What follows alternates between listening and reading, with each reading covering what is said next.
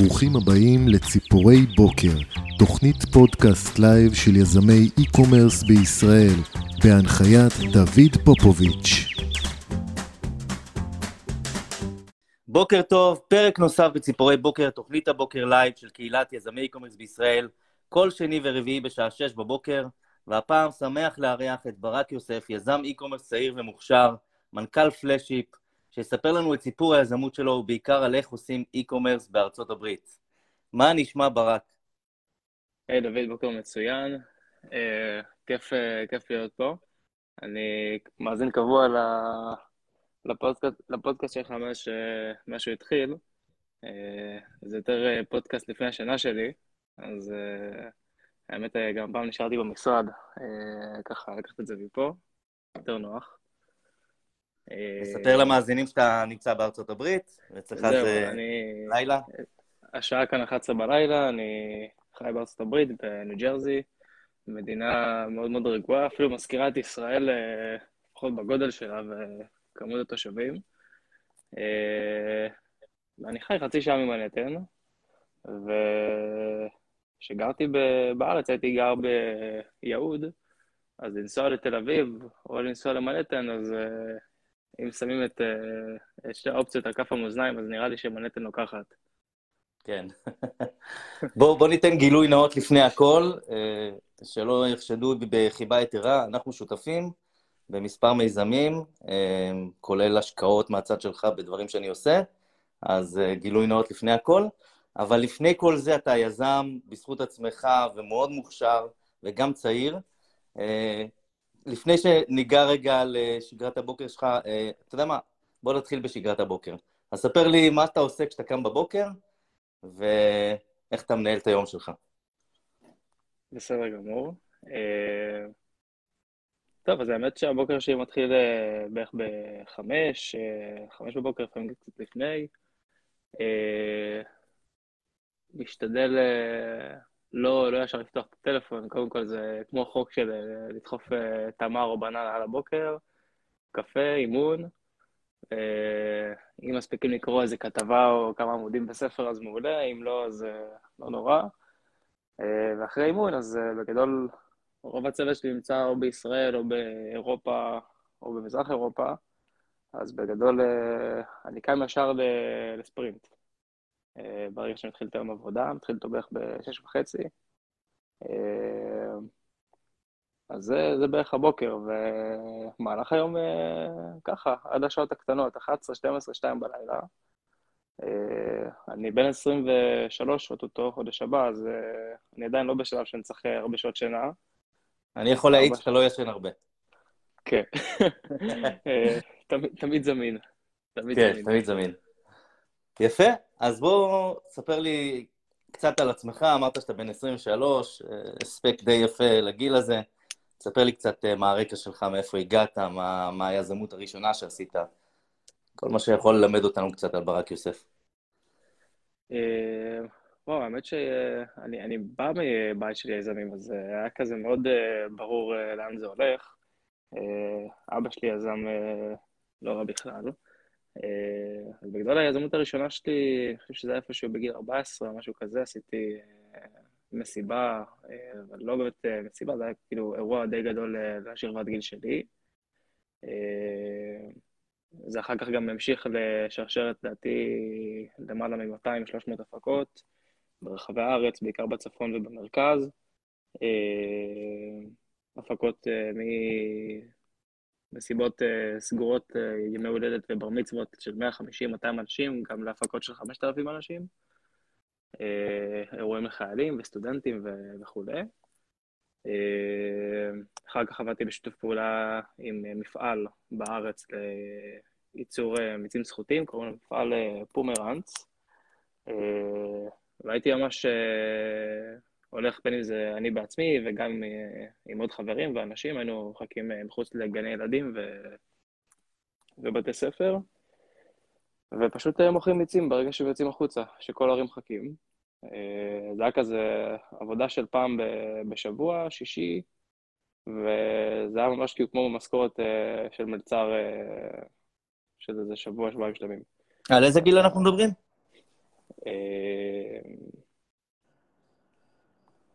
אה, 16, 17, משהו כזה, כן. אוקיי. אה, ואז את המסיבות אה, שחררתי את זה במהלך השירות הצבאי שלי, זה לא כזה הסתדר, והתחלתי להקים חנויות, ב... חנות אחת באי-ביי, היה לי שותף אה, מדהים שהיה גם קצין בצבא, ואז היינו עושים drop מאמזון, drop מאלי אקספרס, drop מאליבאבא על מוצרים מסוימים, כל מיני דרופים כאלה, drop מוולמארט וכולי, ואז הבנו שבעצם באי-ביי, במידה ואתה למעשה מוכר אותו מוצר מכמה חנויות, אז זו, זו בעצם השיטה. זה לא משנה אם אתה ראשון, שלישי, שישי, עשירי, כל עוד אתה מחזיק במספר גדול של חנויות, ואתה בעצם כל האופציות, אז uh, זה המודל שהיה לנו לא רע בכלל. הגענו למספר די גדול של חנויות, ואז גם uh, מכרנו אותם. Uh, עשיתי את המעבר לפה, uh, התחלתי יותר להתעסק בסחורות, לקחתי פה מחסן, אה, ובעצם אה, ככה די גם נולדה פלאשיפ. פלאשיפ זו חברה אמריקאית, שאני שותף בה ביחד עם עוד שלושה אנשים מדהימים, אחד מהם זה גם אבא שלי. התחלנו באמת כחברת לוגיסטיקה, ומשם כבר באמת כל ה... הכל התגלגל. התחלנו באמת להשקיע בעיקר בלקוחות שלנו, אה, שהיו מאחסנים אצלנו, והיום אנחנו כבר קרן השקעות לכל דבר שנותנת, אה, ממש כמו בג'ימון מי, אה, מעטפת די מקצה לקצה, גם אם זה בסין או ברמה הלוגיסטית בארצות הברית או באירופה. אני למדתי די, די הרבה שיווק ו digital marketing והתמחיתי בתחום הזה של משפיענים, משפיעני רשת בארצות הברית. וזו היזמות שלי, היום אני שותף בכמה מותגים. אה, מקווה ש... מקווה שלפחות אחד מהם יצליח, ברמה גלובלית, זו, זו השאיפה. כן, אז בסוף בעצם השיטה היא להיכנס כקרן השקעות, אבל זה לא רק קרן השקעות פסיבית, אתם בעצם אה, לא מנהלים אה, השקעה, לא מכניסים כסף טיפש כמו, כמו שקוראים לזה, אתה, אתה ממש נכנס לתוך המותג ברמת ייעוץ, ליווי, אה, ועוטף את המותג 360 מעלות, שזה בעצם מה שמיוחד בפלאשיפ. אתם אה, באמת אה, פותרים ליזם e-commerce הרבה מהדברים שהיה צריך להתמודד איתם ולהבין אותם לבד, שלמעשה אתם עוטפים אותו ב... בכל המערך e-commerce שהוא צריך, כולל הסליקה וכולל הכל. לחלוטין.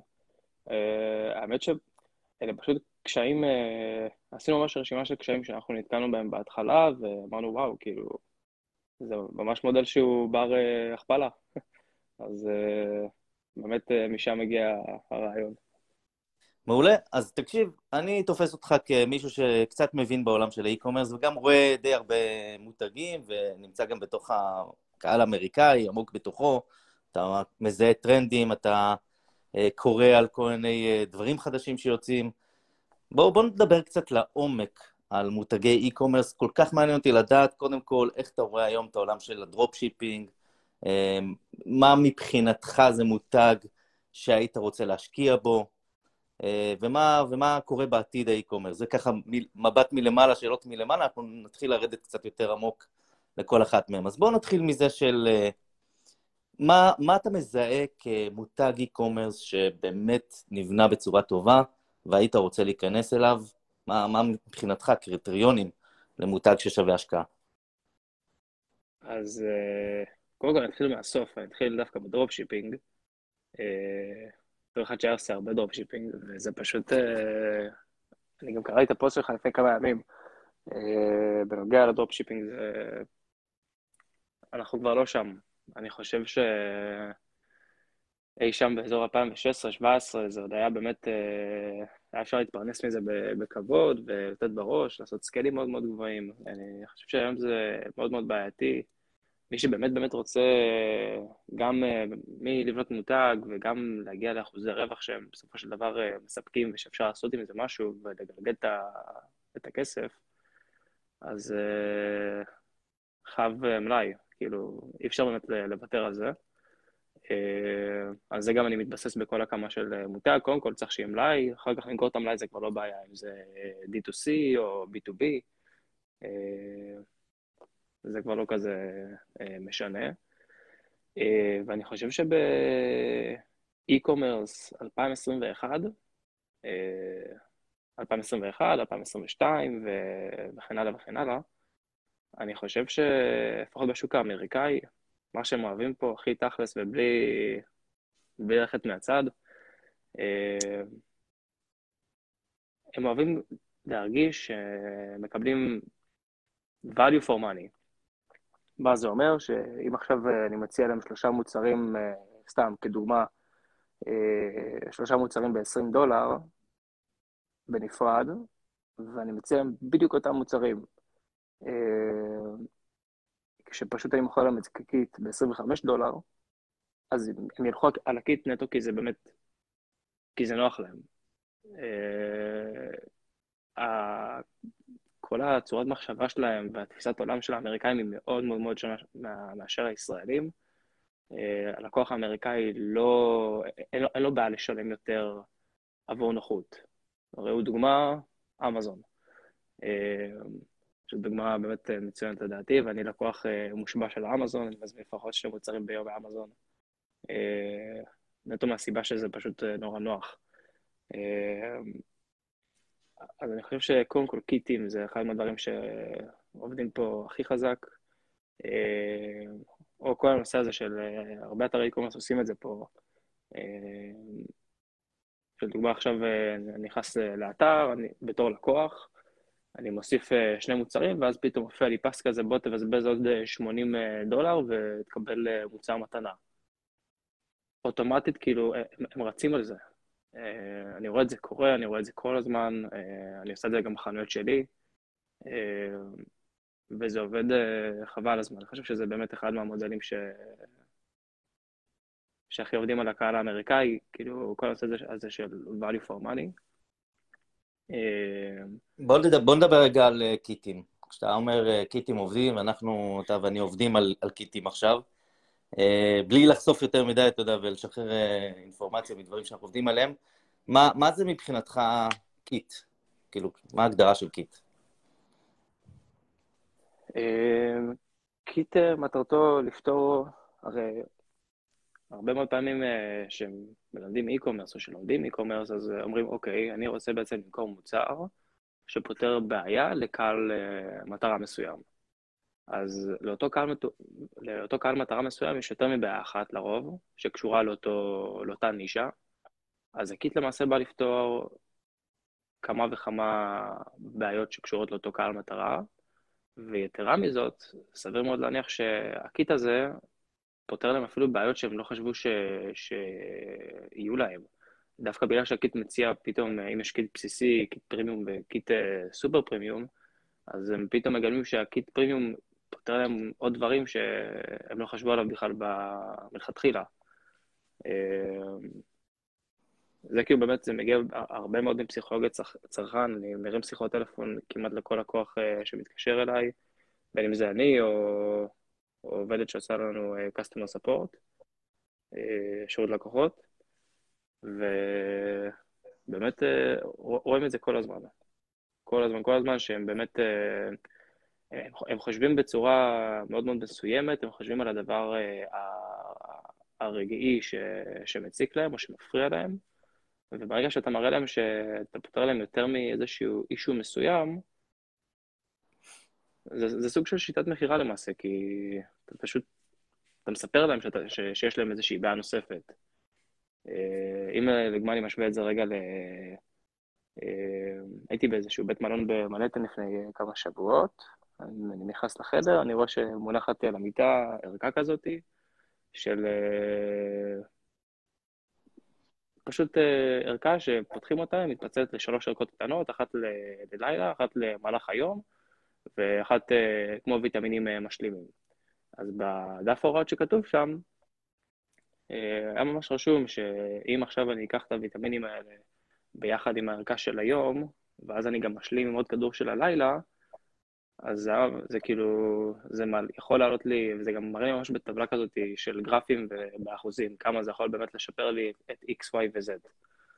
אז אני חושב שכאילו, קיט מטרתו בשורה התחתונה לפתור בעיה מסוימת ולפתור ללקוח עוד בעיות שהוא בכלל לא חשב עליהן, שזה בעצם, זה האפסל הכי יפה. כי אתה הופך את המוצר שלך להיות האפסל. נכון. אתה יכול להתמקד בעצם במוצר אחד, שהוא מכיל כבר את כל המנגנון של האפסלים של המוצרים המשלימים. בדיוק. דרך אגב, העניין הזה של הקיט של היום, לילה וזה, חבל הזמן, צריך לבדוק את זה. אה, אני מכיר, אה, אני מכיר כמה מוצרים שהם משלימים של יום ולילה. אה, ואז הצריכה בעצם מוגברת, כלומר, אבל אתה לא, אנחנו לא מאמינים. לגרום להם סתם לצרוך. זה באמת, אם זה באמת פותר איזושהי בעיה ואתה יכול באפקט של השלמה אחד של השני, יום ולילה, לגרום ל-AOV יותר גדול, אז למה לא? אני חושב שברגע שאתה מצליח להכניס לבן אדם מוצר מסוים לשגרה שלו, זה. זה כמו לדוגמה אה, תמי 4. בסופו של דבר, אה, את הרווח שלהם הם לא עושים על המכשיר שהם מוכרים, עושים את הרווח על, ה... על ה-monthly subscription שהם עושים אה, על, ה... על הנורה ועל הפילטר.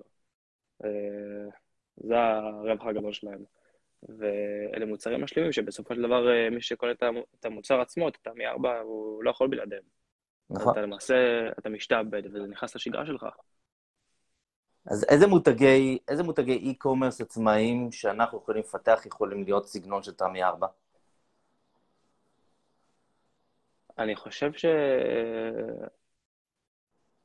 וואו, אפשר באמת לקחת את זה לכל כך הרבה אה, מקומות. בוא, בוא נפתח לאנשים את הראש, בוא, בוא קצת נעשה איזה סיור מוחות. מה, מה למשל יכול להיות, אה, זה נגיד subscription לויטמינים, אבל, אבל צריך משהו קצת יותר אה, חזק מזה. נגיד משהו שפותר באמת בעיה של יום ולילה, זה נגיד קרם, קרם יום לפנים, קרם לילה לפנים. מה עוד אתה מסוגל אה, לחשוב? האמת, אני יכול גם אה, לתת אה, דוגמה ממש מהחיים האישיים שלי. כן. אני, אני באופן אישי לא משתמש במוצרים האלה, אבל אני מעורב בצורה כזאת או אחרת במותג של מוצרי CBD פה בארצות הברית. אה, אחד מהבסט סלרים שלנו זה בעצם אה, גומיות שמכילות CBD, ש... לא גומיות, אה, גומי, גומי גם. כן, כאילו, כן, גומי. סוכריות גומי, סוכריות גומי. כן, סוכריות כן. גומי. יש לנו בעצם קופסה אחת שאנחנו קוראים לה Good Day Gummies, וחבילה אחרת שאנחנו קוראים לה Good Night Gummies. ופר, אלה אותם gummies. אין הבדל. אין טיפת הבדל. זה נטו המיתוג של זה. ואחד כאילו מה... עכשיו, מה שבעצם, מה שבעצם קונים אותו דווקא הרבה יותר, שזה מה שמוזר, כי אנחנו קיבלנו שה good night יהיה יותר חזק מה, מה good day, אבל הרבה אנשים קונים את ה good day בשביל יש כאן איזושהי, יש, יש כאן עכשיו איזה, איזשהו טרנד אה, מנטלי בארצות הברית של, ה, של אה, חרדות ופאניקות ו anxiety, במיוחד מאז הקורונה, אנשים כל הזמן... זה לא רק בארצות הברית, ברק, זה לא רק בארצות הברית. אה, אנחנו מכירים אורל מוסקוביץ', חבר שלנו, מתעסק בדיוק בזה, אימא שלו היא מטפלת חרדות. הם עושים עבודה מדהימה. היא fully booking לחודשים קדימה, זה גם בישראל, הנושא של ה... אני חושב שזה כלל עולמי עכשיו, העניין של חרדות.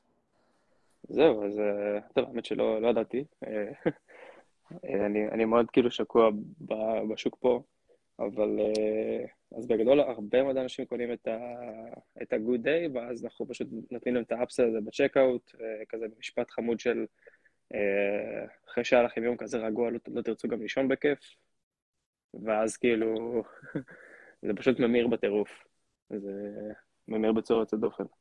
אז, אז מה, מה הסיבה בעצם שהם צורכים יותר את הגומי של הבוקר? כי בבוקר אתה... אתה חרד בבוקר... לקראת היום ש... שמגיע לפניך. אתה גם חרד ליום שמגיע לפניך, ואתה גם חרד במהלך היום שלך. אז uh, האמת שכאילו, מה שאנחנו בעצם באים לפתור זה את הנושא של... Uh, את ההרגשה שלך במהלך היום. להרבה מאוד אנשים, כאילו, לפחות אני, אני לפחות מדבר כרגע על השוק האמריקאי, חשוב להם כל הנושא של. ההרגשה הפנימית והמנטלית שלהם. אמ, וההתנהלות הסדירה שלהם, ב, הסדירה שלהם בסדר היום שלהם. אה, מה גם שזה גם, זה נורא מצחיק, כי רוב האנשים פה בכלל לא עובדים. הם עדיין אה, מקבלים פה כסף במדינה, אה, שזה גם חתיכת מכה, אבל כן, בגדול זה, זו דוגמה ממש טובה. ודוגמה עוד יותר טובה זה בעצם הנושא של מנוי חודשי, מנוי דו-שבועי, מנוי חצי שנתי. אחרי שכבר הלקוח שלך משועבד אליך ועושה הזמנה ראשונה, שנייה, ואתה פתאום אה, יכול לדחוף לו איזושהי הנחה ממש טובה בשביל אה, מנוי חודשי, אז אה, ככה בכלל סוחטים את הלימון, כמו שנקרא. אז אתה ממליץ, אה, כשאנחנו בונים היום מותג חדש, בעצם לבנות אותו כשהוא כבר מיועד להיות subscription? כלומר, מההתחלה להסתכל קדימה על subscription, ולא אחר כך להגיד, אוקיי, בנינו את המותג, עכשיו בואו בוא נראה מה, איזה subscription אני יכול לתת להם.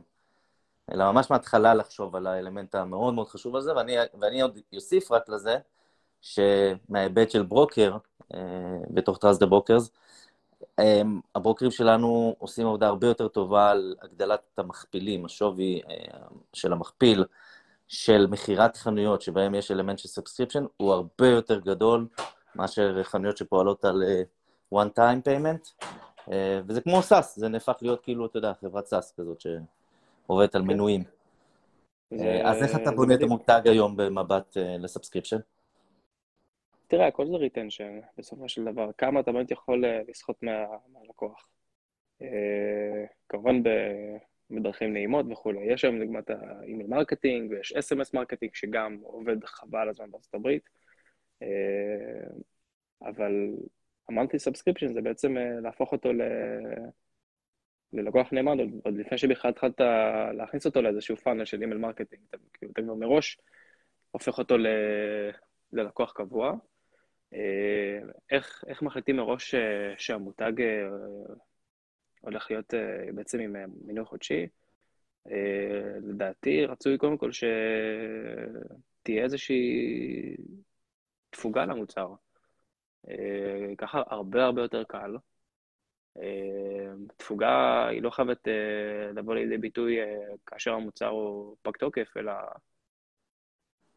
יש, מוצר, יש מוצרים שנגמרים, לדוגמה קרם או שמפו, או... לא, לא חסרים מוצרים שנגמרים.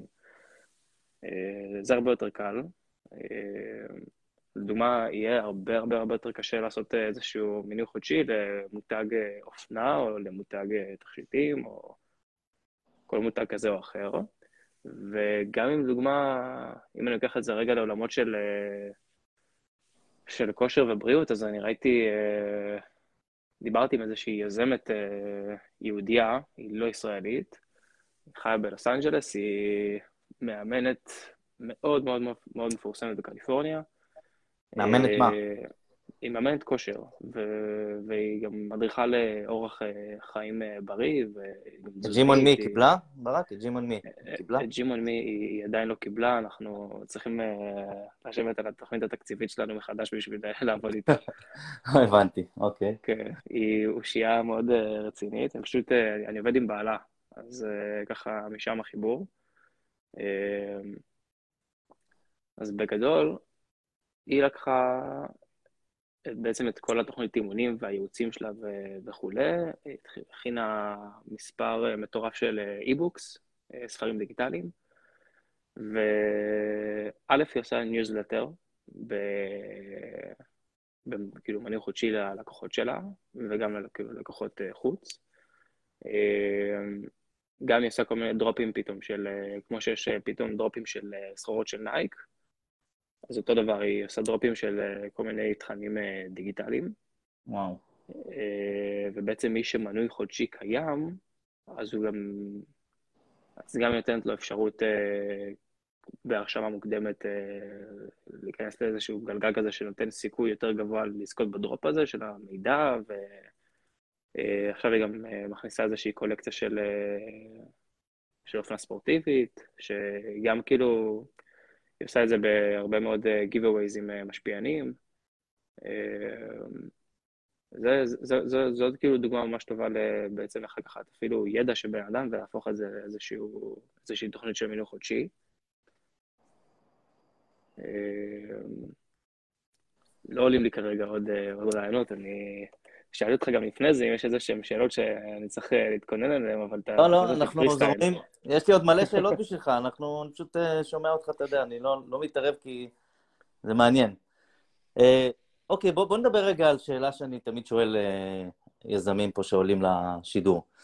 מה לדעתך, עד כמה אתה חושב נכנס אלמנט של מזל אה, בהצלחה של מותג, או בהצלחה של יזם? וואי, זו שאלה טובה. אה, כלומר, בוא, בוא נחדד אותה, נעשה את זה יותר קל. האם אתה חושב שכשאנחנו יודעים איך לבנות המותג ממש בצורה נכונה ומתודית, אנחנו שמים בצד, כאילו אנחנו מוצאים את המזל מהמשוואה ואנחנו יותר מגדילים את הסיכוי שלנו להצליח, או שאתה בכל מקרה במותגים שאתה רואה, ואתה מושקע בכמה מותגים, היה שם אלמנט מאוד מאוד גדול של, של, של מזל. אני חושב שאלמנט המזל הוא קודם כל בצוות. אני באמת באמת באמת חושב ש... יש גם שיר כזה בעברית, הכל זה בצוות, אבל אה, המזל זה קודם כל בצוות ומי שעובד עליו ומי שבעצם הופך את המותג הזה לסיסטם ולמערכת ולמשהו שהוא סיסטמטי ושעובד טוב.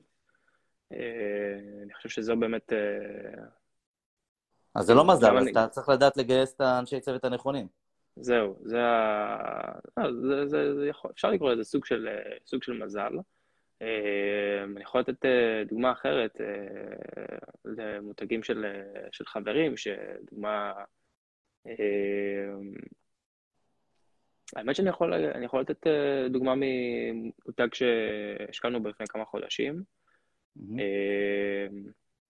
יזם שפנה אליי בפייסבוק, הוא קיבל אה, המלצה מהשירותים הלוגיסטיים שאנחנו יודעים לספק בארצות הברית. הוא רצה להעביר אליי אה, סדר גודל של כמה מאות מוצרים שהוא מייצר. ווואו, אני זוכר שהוא שלח לי את האתר שלו, אני פשוט... אני פשוט נדהמתי, כי כאילו, מעבר לזה שאני יודע לתת שירותי לוגיסטיקה, אז אני גם יזם e-commerce, ותמיד אני אוהב לחקור את המוצרים שמאחסנים אצלי, ולהבין מה זה, איפה זה בא, בכמה מוכרים וכולי. ואני יושב על האתר שלו, ואני מחפש ועושה חקר שוק באמת הכי מעמיק שעשיתי בחיים, ואני קולט שהמוצר הזה לא, לא נמצא בשום מקום, אין מוצר כזה, הוא פשוט לא קיים. אז uh, long story short, היום uh, זה יזם שבאמת יש לו חלק בלתי נפרד בחברה שלנו, והוא בהרבה מאוד תפקידי מפתח, וכמובן שהוא קיבל uh, תחת ההשקעות הכי סגניפיקנטיות שיצאנו אליהן מאז שהקמנו את החברה. ואני חושב שזה דווקא יותר, uh, יותר מזל מהצד שלו. כמובן גם מהצד שלנו, כי זה באמת, זה הולך להיות מותג חבל הזמן, uh, באמת בסדר גודל עולמי, לשם אנחנו מכוונים. אה, אבל דווקא היום הוא גם שלח לי הודעה שממש אה, ככה, באמת באמצע היום משום מקום הוא שלח לי את ההודעה הזאתי, וזה ממש, אה, זה כאילו, זה עכשיו, עכשיו מתחבר לי. הוא רשם לי, אני פותח את זה במחשב, אני מאוד שמח שיש לי שותפים כמוכם, אני לומד המון מכם, תודה רבה על הכל ברק. ו... ו... וזה פשוט מתחבר לי כרגע. זה פשוט מתחבר לי כי אנחנו לקחנו את המותג שלו מ-0 ל-100, מפגמים במוצר ובייצור ובאיכות של המוצר. אנחנו לקחנו את זה למקורות שלנו, עשינו לכל המוצר הזה באמת אה, ייצור מחדש, ושינינו והוספנו כל כך הרבה דגמים, ואני חושב שבאמת אה, כאן יש איזשהו אלמנט של מזל מאוד מאוד גדול, מאוד גדול. אלמנט של מזל שכשהוא בנה את המוצר הזה, הוא, הוא עשה את זה כאילו, אתה יודע, הרבה דברים שהם באו על הדרך, בלי שהוא תכנן שהמוצר הזה יהיה מיוחד, מבודל ויצליח ככה בעולם? או שהיה לו איזה... אה, הוא פשוט כאילו סתם הגיע ככה למוצר? או שהוא אה, מההתחלה הצלחה? אני חושב שהוא... אוקיי, כשהוא בעצם הגיע למוצר הזה לראשונה, זה היה בכלל דרך איזושהי מישהי שהפסיקה לעבוד עליו, והיא התחילה כאילו רק, רק לדמיין אותו. אה, הוא באמת לקח את זה ופיתח פרוטוטייפ, ונסע לכל כך הרבה מקומות בעולם בשביל לפתח את הטיפוס הזה, שבאמת אה, הוא כבר איזה, הוא קרוב לשנתיים כבר לא, לא בארץ. אה, נטו רודף אחרי המוצר הזה, והפיתוח שלו, ולקחת את זה באמת כאילו לרמה עולמית. והוא ידע מראש, האמת שזו גם הייתה אחת הסיבות שישר על ההתחלה חתמתי איתו על NDA בשביל באמת... אה, כי אמ-, אמרתי לו, אוקיי, טוב, שלח לי מידות, שלח לי את האתר, את... מה, מה אתה רוצה לחסום פה, אני צריך להבין. אה, אם עכשיו זה איזשהו משהו שאני צריך אה, לבטח באופן נפרד, או כל מיני סיבות כאלה ואחרות. ואז הוא ביקש ממני לחתום על NDA, ואז אמרתי, אוקיי, אז אני חושב שהוא הוא, הוא כבר מראש ידע שיש לו איזושהי בוננזה ביד, אבל אני לא חושב שהוא ידע לאיזה ממדים והיקפים זה יכול להגיע בזמן כל כך קצר, ומה קורה כשבאמת יש צוות, צוות טוב. ואת הוא... הצוות, את הצוות איפה הוא בנה? את הצוות אנחנו בנינו ביחד. אה, תראה, כולנו ישראלים וכולנו רוצים למכור בארצות הברית, אבל באמת בשביל למכור פה צריך לדבר אה, אני אומר את זה הרבה, אבל אני באמת מאמין בזה ואני יודע שזה אמיתי, צריך לדבר פה אמריקאית. אנגלית לא מספיקה. ואני חושב שבאמת בנינו עד כה צוות אה, חבל הזמן, מהצוות ושיפורים קיצוניים שעשינו באתר, וקופירייטרית צמודה, אה, בכמה שפות, אה, לא רק באנגלית.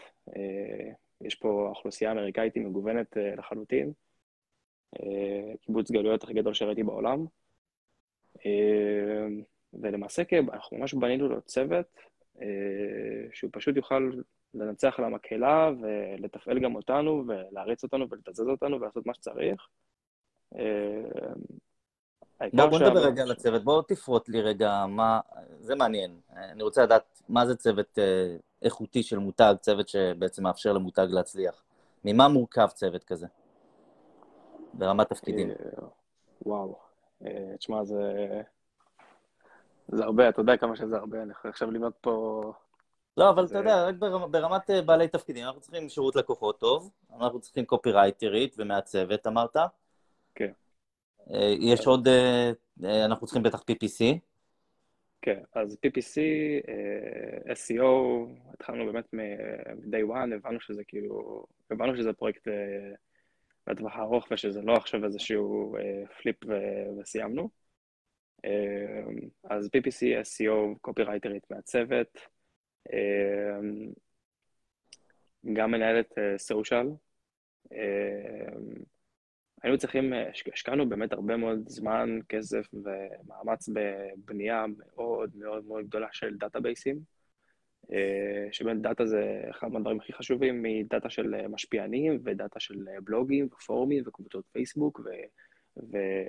ופורומים ברדיט ובקוורה ואפליקציות שרלוונטיות לנישה בשביל שתעשו איתם שיתופי פעולה. היינו צריכים לוודא ש... כמו שאמרתי, היו כל מיני פגמים ברמה ובאיכות של המוצר. אז uh, היינו צריכים גם לקחת את זה uh, מייצור בטורקיה, היינו צריכים להעביר את זה לסין, לעשות reverse engineering לכל הדבר הזה, להבין מכמה, כאילו, איך בעצם מרכיבים כזה מוצר.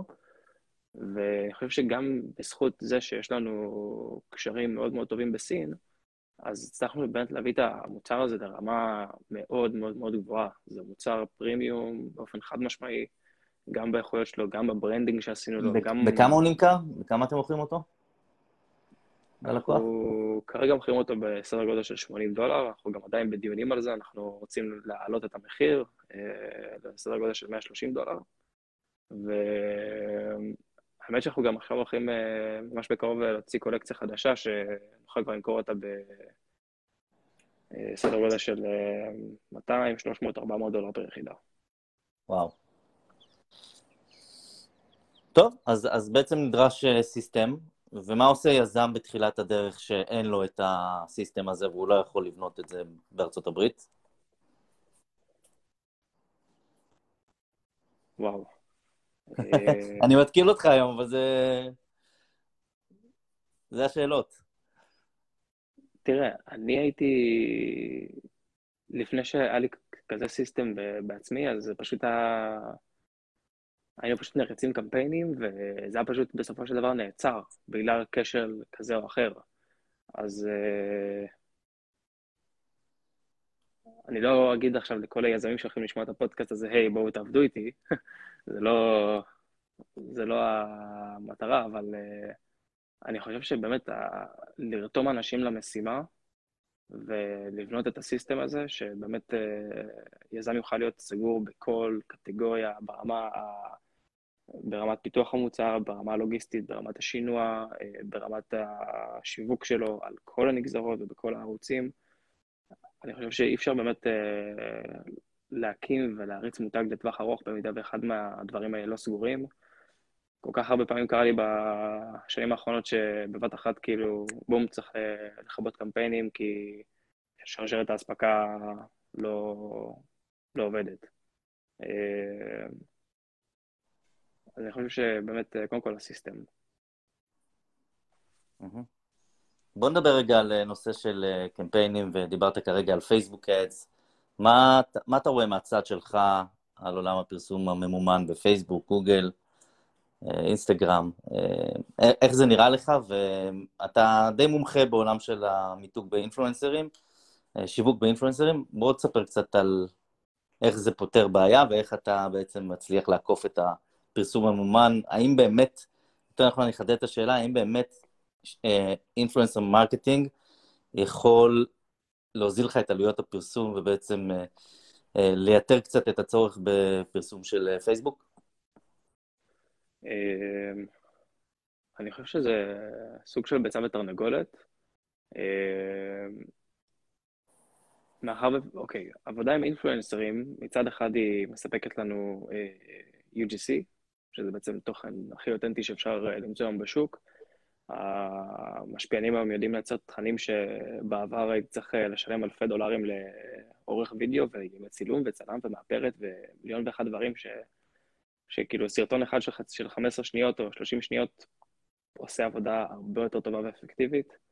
אה, כי גם מראש הלקוח, הוא לא רואה את זה כשאתה בא, הוא, הוא לא רואה את המכירה, הוא רואה מישהו שהוא עוקב אחריו ומאמין לדברים שהוא אומר והוא מאמין באג'נדות שלו, מספר לו על איזושהי חוויה שהוא קיבל עקב שימוש מסוים במוצר כזה או אחר.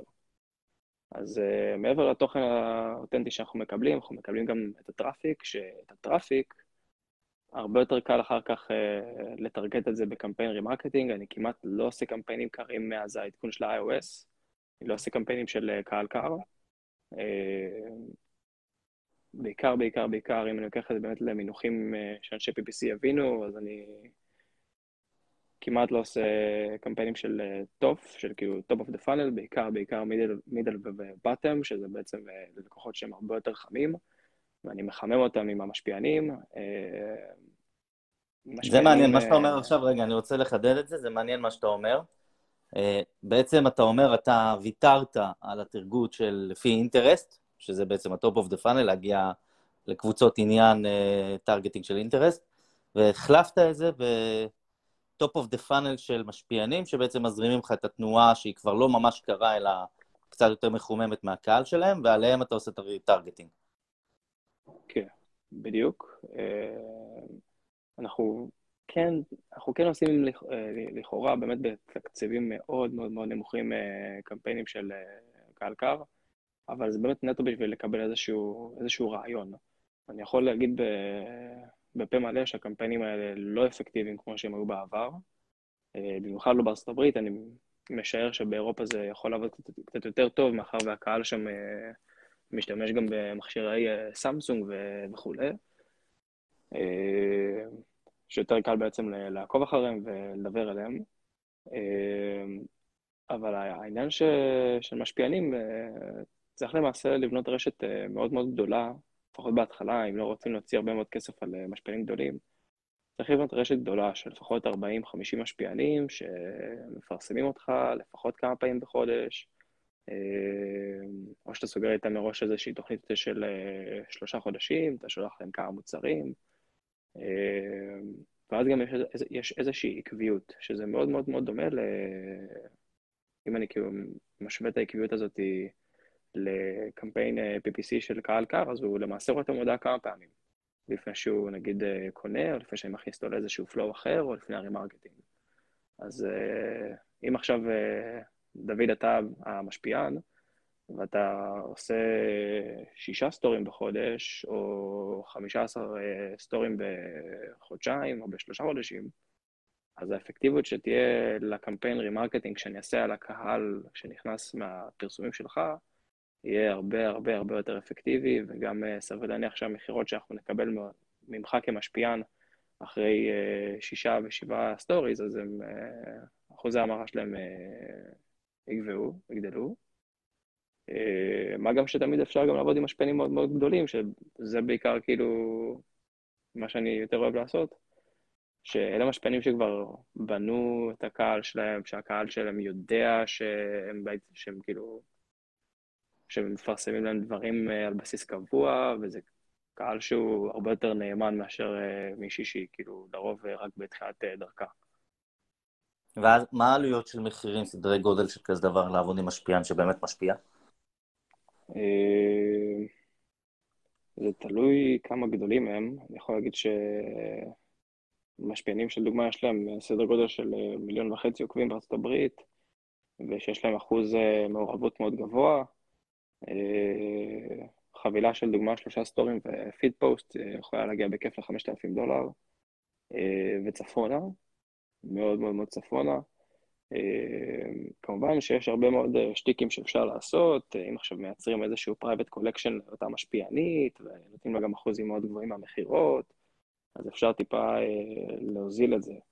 אבל אה, הרבה מאוד משפיענים בארצות הברית, פחות מעניין אותם אה, לעבוד פרפורמנס, אלא תביאו לי כסף, אני אעשה מה שצריך ברמה הטובה ביותר, גם בסדרי גודל, בסדרי גודל האלה יש להם כבר צוות צילום, עריכה ווידאו צמוד אליהם בבית או בכל מקום שהם הולכים. אבל זה 5,000 דולר וצפונה ממש בכיף. אוקיי, ותן לזה כמה טיפים לעבודה נכונה עם אינפלואנסרים בעניין של אה, ה-UGC. אתה מכין אותם הרי, נותן להם בריף, איך אתה יודע שאתה הולך לקבל את התוכן הכי טוב? עד כמה הבריף צריך להיות ממוקד מאוד? הבריף צריך להיות א', ממוקד מאוד ומחולק לסעיפים, אה, וזה צריך להיות באמת מאוד, אה, מאוד ענייני, קצר, לא לחפור עליהם יותר מדי, מקבלים אלפי בריפים כאלה ביום. וזה גם כמובן שאתה שולח את הבריף אחרי שכבר באמת הצלחת ליצור קשר עם המשפיען, אה, שאתה רואה כמה זה אה, אתגרי, במיוחד בתקופה הזאת של השנה. אה, אתה, אתה בדרך כלל עובד, איך זה עובד? אתה פונה למשפיען בערוצי תקשורת שהוא מפרסם, נכון? כאילו, נגיד על האינסטגרם יש לו את האימייל בדרך כלל, ואז מי מקבל את זה? יושב שם צוות שמלקט את זה וזה עובר לסוכן שעושה איתך את העבודה? כן, אני כמעט תמיד עובד עם, ה... עם הסוכן, יש כמה משפיעניות שאני עובד איתן כבר באמת בשיחות פייסטיים ומש... והודעות טקסט וכולי, כי כבר באמת עבדנו על כמה פרויקטים ביחד. אמ, יש גם משפיעניות שנמצאות באג'נסיז, כאילו בכל מיני סוכניות כאלה ואחרות, ו... ויצא לי כבר לעבוד איתם כזה מחוץ לאג'נסי, וזה בסדר גמור, אבל זה מאוד מאוד נדיר. אה, זה בעיקר משפיענות שאני כבר באמת אה, בקשר אה, טלפוני איתם. מה שכן, חשוב מאוד מאוד להכניס בחוזה מול המשפיענית. אגב, לא, לא, לא לוותר על חוזה כזה בחיים, לא שולחים בכלל מוצר לפני שהיא חותמת על חוזה, זה שהיא לא מעלה את הפוסט ולא מקבלת לדוגמה 100% מהשכר שהיא צריכה לקבל לפני שאנחנו מאשרים את התוכן. כי למעשה לא עשינו בזה שום דבר במידה ו... והתוכן שהיא, שהיא יצרה לא, לא איכותי, לא רלוונטי, לא, לא תקין, לא מעביר את המסר. אוקיי. Okay.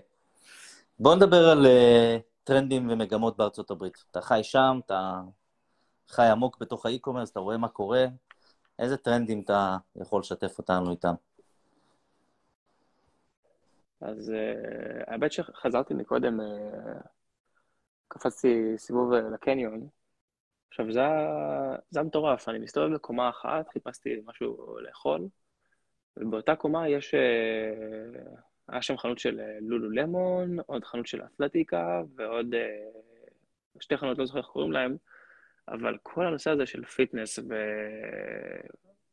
ובעצם כאילו כל הבריאות המנטלית, כמו שאמרתי מקודם, אלה נישות בוערות כאן בצורה שהיא לא רגילה, במיוחד במיוחד מאז הקורונה. אה, אנשים אה, הרבה הרבה הרבה יותר מודעים לכל המראה החיצוני שלהם, הרבה יותר מתעסקים בזה כל הזמן, כל המותגי ספורט חוגגים על זה, שמים אה, כמה אחוזי אלסטן יותר בבגד וזה כבר מקצץ להם כמה אחוזי שומן מהגוף, לפחות מול המראה או שהם יוצאים החוצה מהבית. אז אני חושב שקודם כל הטרנד הזה של, של fitness ו-well-being זה רץ פה מאוד מאוד חזק. אה, בריאות, בריאות באופן כללי. אה, מה שעוד אה, הולך פה חזק זה הנושא בעצם של מתנות. הרבה מאוד אנשים, וגם ראיתי הרבה מאוד בעלי, בעלים של מותגים שעקב הקורונה אנשים לא יכלו להיפגש, וגם, אגב, עדיין אנשים מפחדים להיפגש פה אחד עם השני, אז הם פשוט שולחים מתנות. אה, מתנות אה, אחד לשני, מפרחים לכל מיני קופסאות כאלה, ומארזים, ואפילו שוקולדים, ו... וכולי וכולי. טוב, אה, יש לנו עוד ממש שתי שאלות אחרונות, ואנחנו ממש גם לקראת סיום.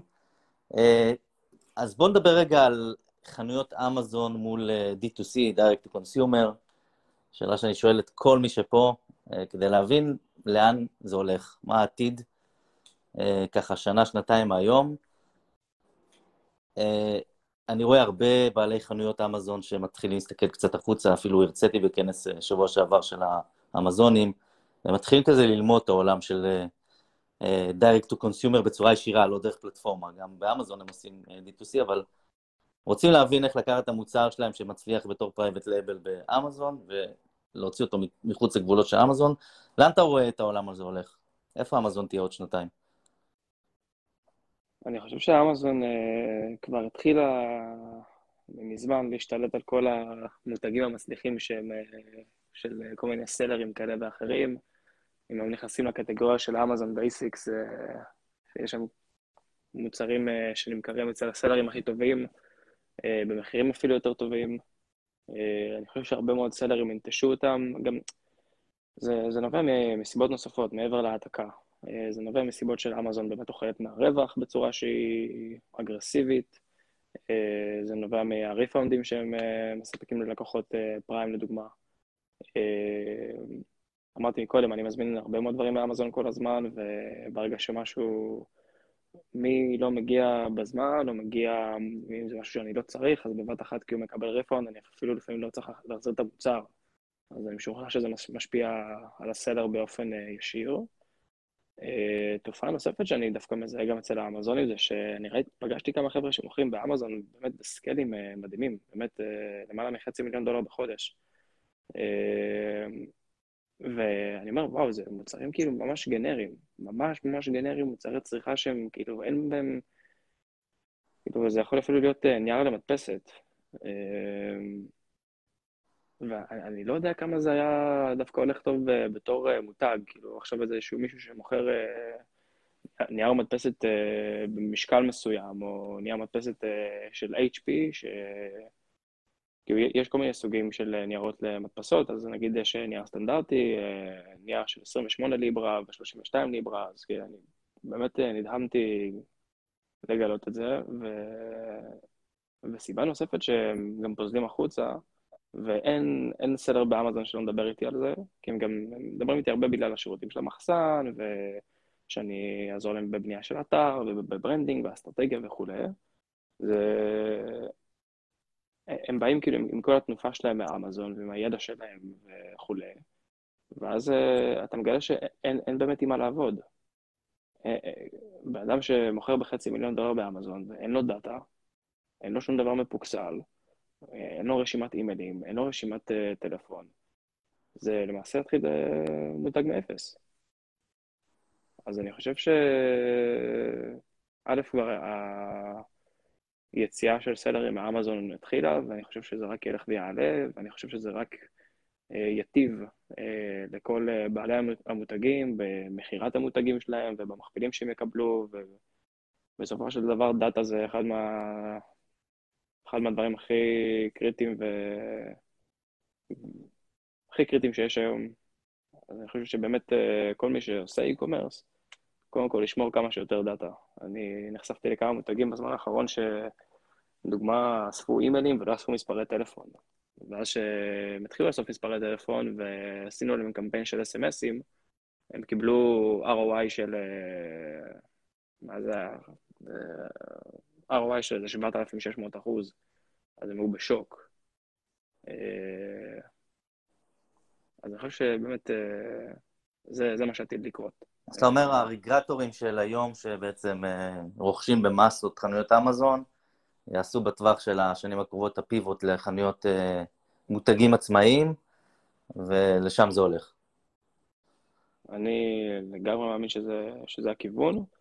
אמ, אף על פי שאני חושב שבסופו של דבר אמזון תגיע לאיזושהי נקודה שהיא תבין, היי, אני לא יכול להמשיך לאכול את הסלרים שלי, כי זה גם אחד מהדברים שהכי מפרנסים אותי. מצד שני, אמזון, אני, אני עוקב חזק אחרי הפעילות שלה, הם ממש אה, כמעט כל uh, כמה שבועות מוציאים איזשהו פיצ'ר uh, חדש, מדברים שקשורים לפרינט און דימנד, לפלטפורמות לאומנים, ונותנים עוד שירותים לאנשים שרוצים לעשות להם לוגיסטיקה, ובאמת זה, זה לא נגמר. הם מתרחבים בצורה שהיא באמת כבר לא הגיונית. אבל יש מקום עדיין uh, לעשות עבודה באי-קומרס. Uh, שאלה אחרונה, אנחנו מדברים על e-commerce 2022, אותנטיות מנצחת. מה זה מבחינתך ואיך זה, איך אתה מסתכל על זה במותגים שלך? אמ, וואו, אני, אני משלם כל כך הרבה כסף לתוכן שזה באמת, אה, במיוחד בתקופה האחרונה, ככה לקראת ה-Q4 אה, התחלנו עם זה, שאין, לשם זה הולך. אנשים רוצים אנשים רוצים לקנות, יש נכונות לקנות, בין אם זה, בין אם זה שהם עובדים קשה, או אותו תרבות הצריכה, או שהם מקבלים כסף מהמדינה, או שאבא הביא להם כסף. אה, אז אנשים מחפשים לקנות, אבל הם מחפשים לקנות משהו, משהו ממישהו שהם יכולים לסמוך עליו. אז אני חושב שככל שיש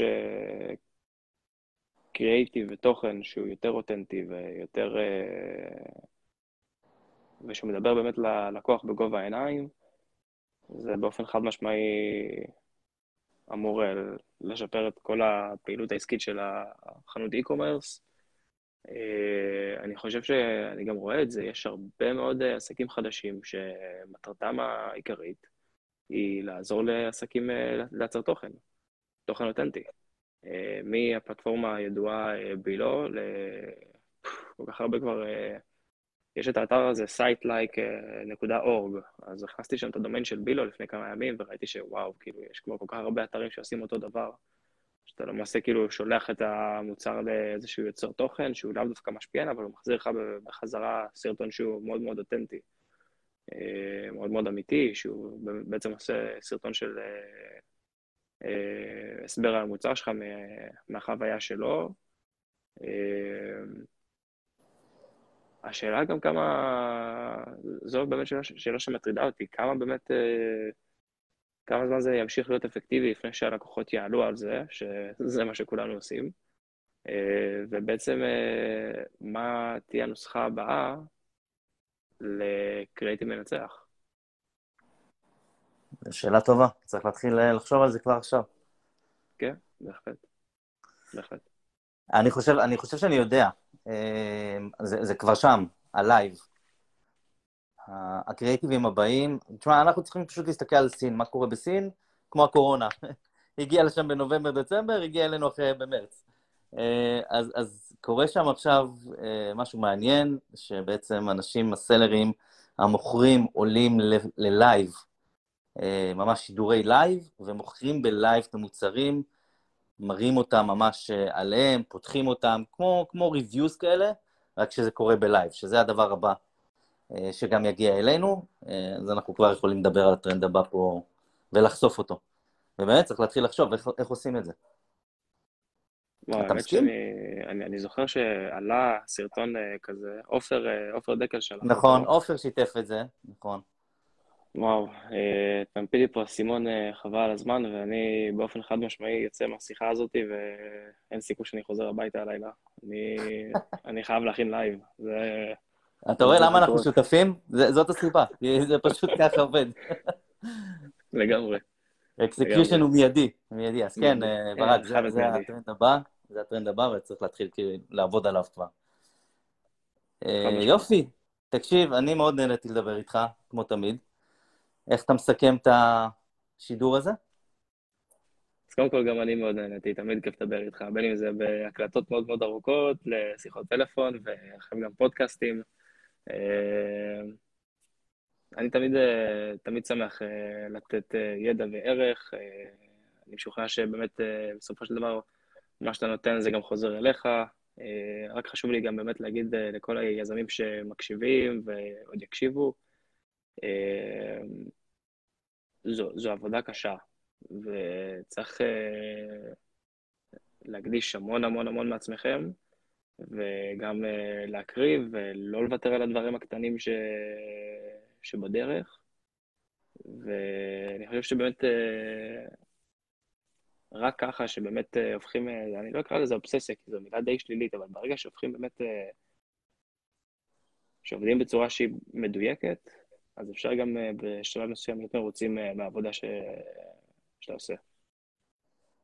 צריך אה, בקיצור, בקיצור להיות על הדברים, לעבוד בזה, לחיות את זה, לנשום את זה. מי שמשתמש במילה אובססיה זה ראסל ברנסון. אני מניח שיש לו סיבה למה הוא לקח מילה שלילית כביכול והפך אותה לחיובית, אבל אני חושב שאין פשוט דרך אחרת, צריך להיות כאילו fanatic ואובססי מאוד, אובססיבי מאוד, ולעשות הרבה פעולות של 10x, בדיוק כמו כמו שתיארת מקודם, אני לא הולך לישון עליה, אני הולך אה, לחקור את נושא הקריאיטיבים בלייב.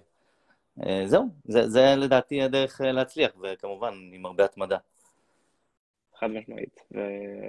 ועכשיו גם בגלל שאמרת ראסל ברנסון, אז אובססיה זה הפכה להיות המילה החיובית החדשה שלי. כן, אז, אז אובססיה זה לגמרי זה, אני פשוט רואה כמה אנחנו אובססיביים, ואנשים שאתה יודע, אנחנו עוטפים את עצמנו בהמון יזמים וב mastermind, ואתה רואה אנשים, האובססיה מנצחת, אולי, אולי צריך להתחיל אה, לשנות מאותנטיות מנצחת לאובססיה מנצחת, אבל אה, שני, שניהם מנצחים, בוא, בוא נקרא לזה ככה. חד משמעית. טוב, תקשיב, נהניתי מאוד לדבר איתך, אה, אני מאחל לך המון המון בהצלחה, אתה בחור צעיר, יזם צעיר, אני שמח שיש אנשים כמוך בתעשייה שפשוט עוזרים ל, ליזמים הישראלים להצליח, זה, אין הגדרה אחרת, אתה, אתה פשוט שם את ה... נכנס ושם את הידיים שלך בכל מקום שבו אתה יכול לעזור לאנשים באמת בצורה מיוחדת ואותנטית. אה, כמובן שאנחנו לא עובדים לשם שמיים וחינם, אבל זה תמיד טוב שיש אה, אפשרות לעזור לחבר'ה צעירים בתעשייה. אה, וזהו, ותמשיך להוביל, תמשיך לעשות את מה שאתה עושה בצורה כל כך טובה. תודה רבה, דוד. אני מאחל לנו ולכל חברי הקהילה באמת בהצלחה, ערימות של בהצלחה. יופי. המון תודה, שיהיה לילה טוב אצלך, יום טוב אצלנו. ציפורי בוקר, מולה. שני ורביעי, בשעה שש בבוקר, אני אפגש בשבוע הבא, יש לנו את עופר דקל, הישר מסין בשבוע הבא, הולך להיות מרתק. שיהיה יום טוב, תודה רבה. תודה טוב.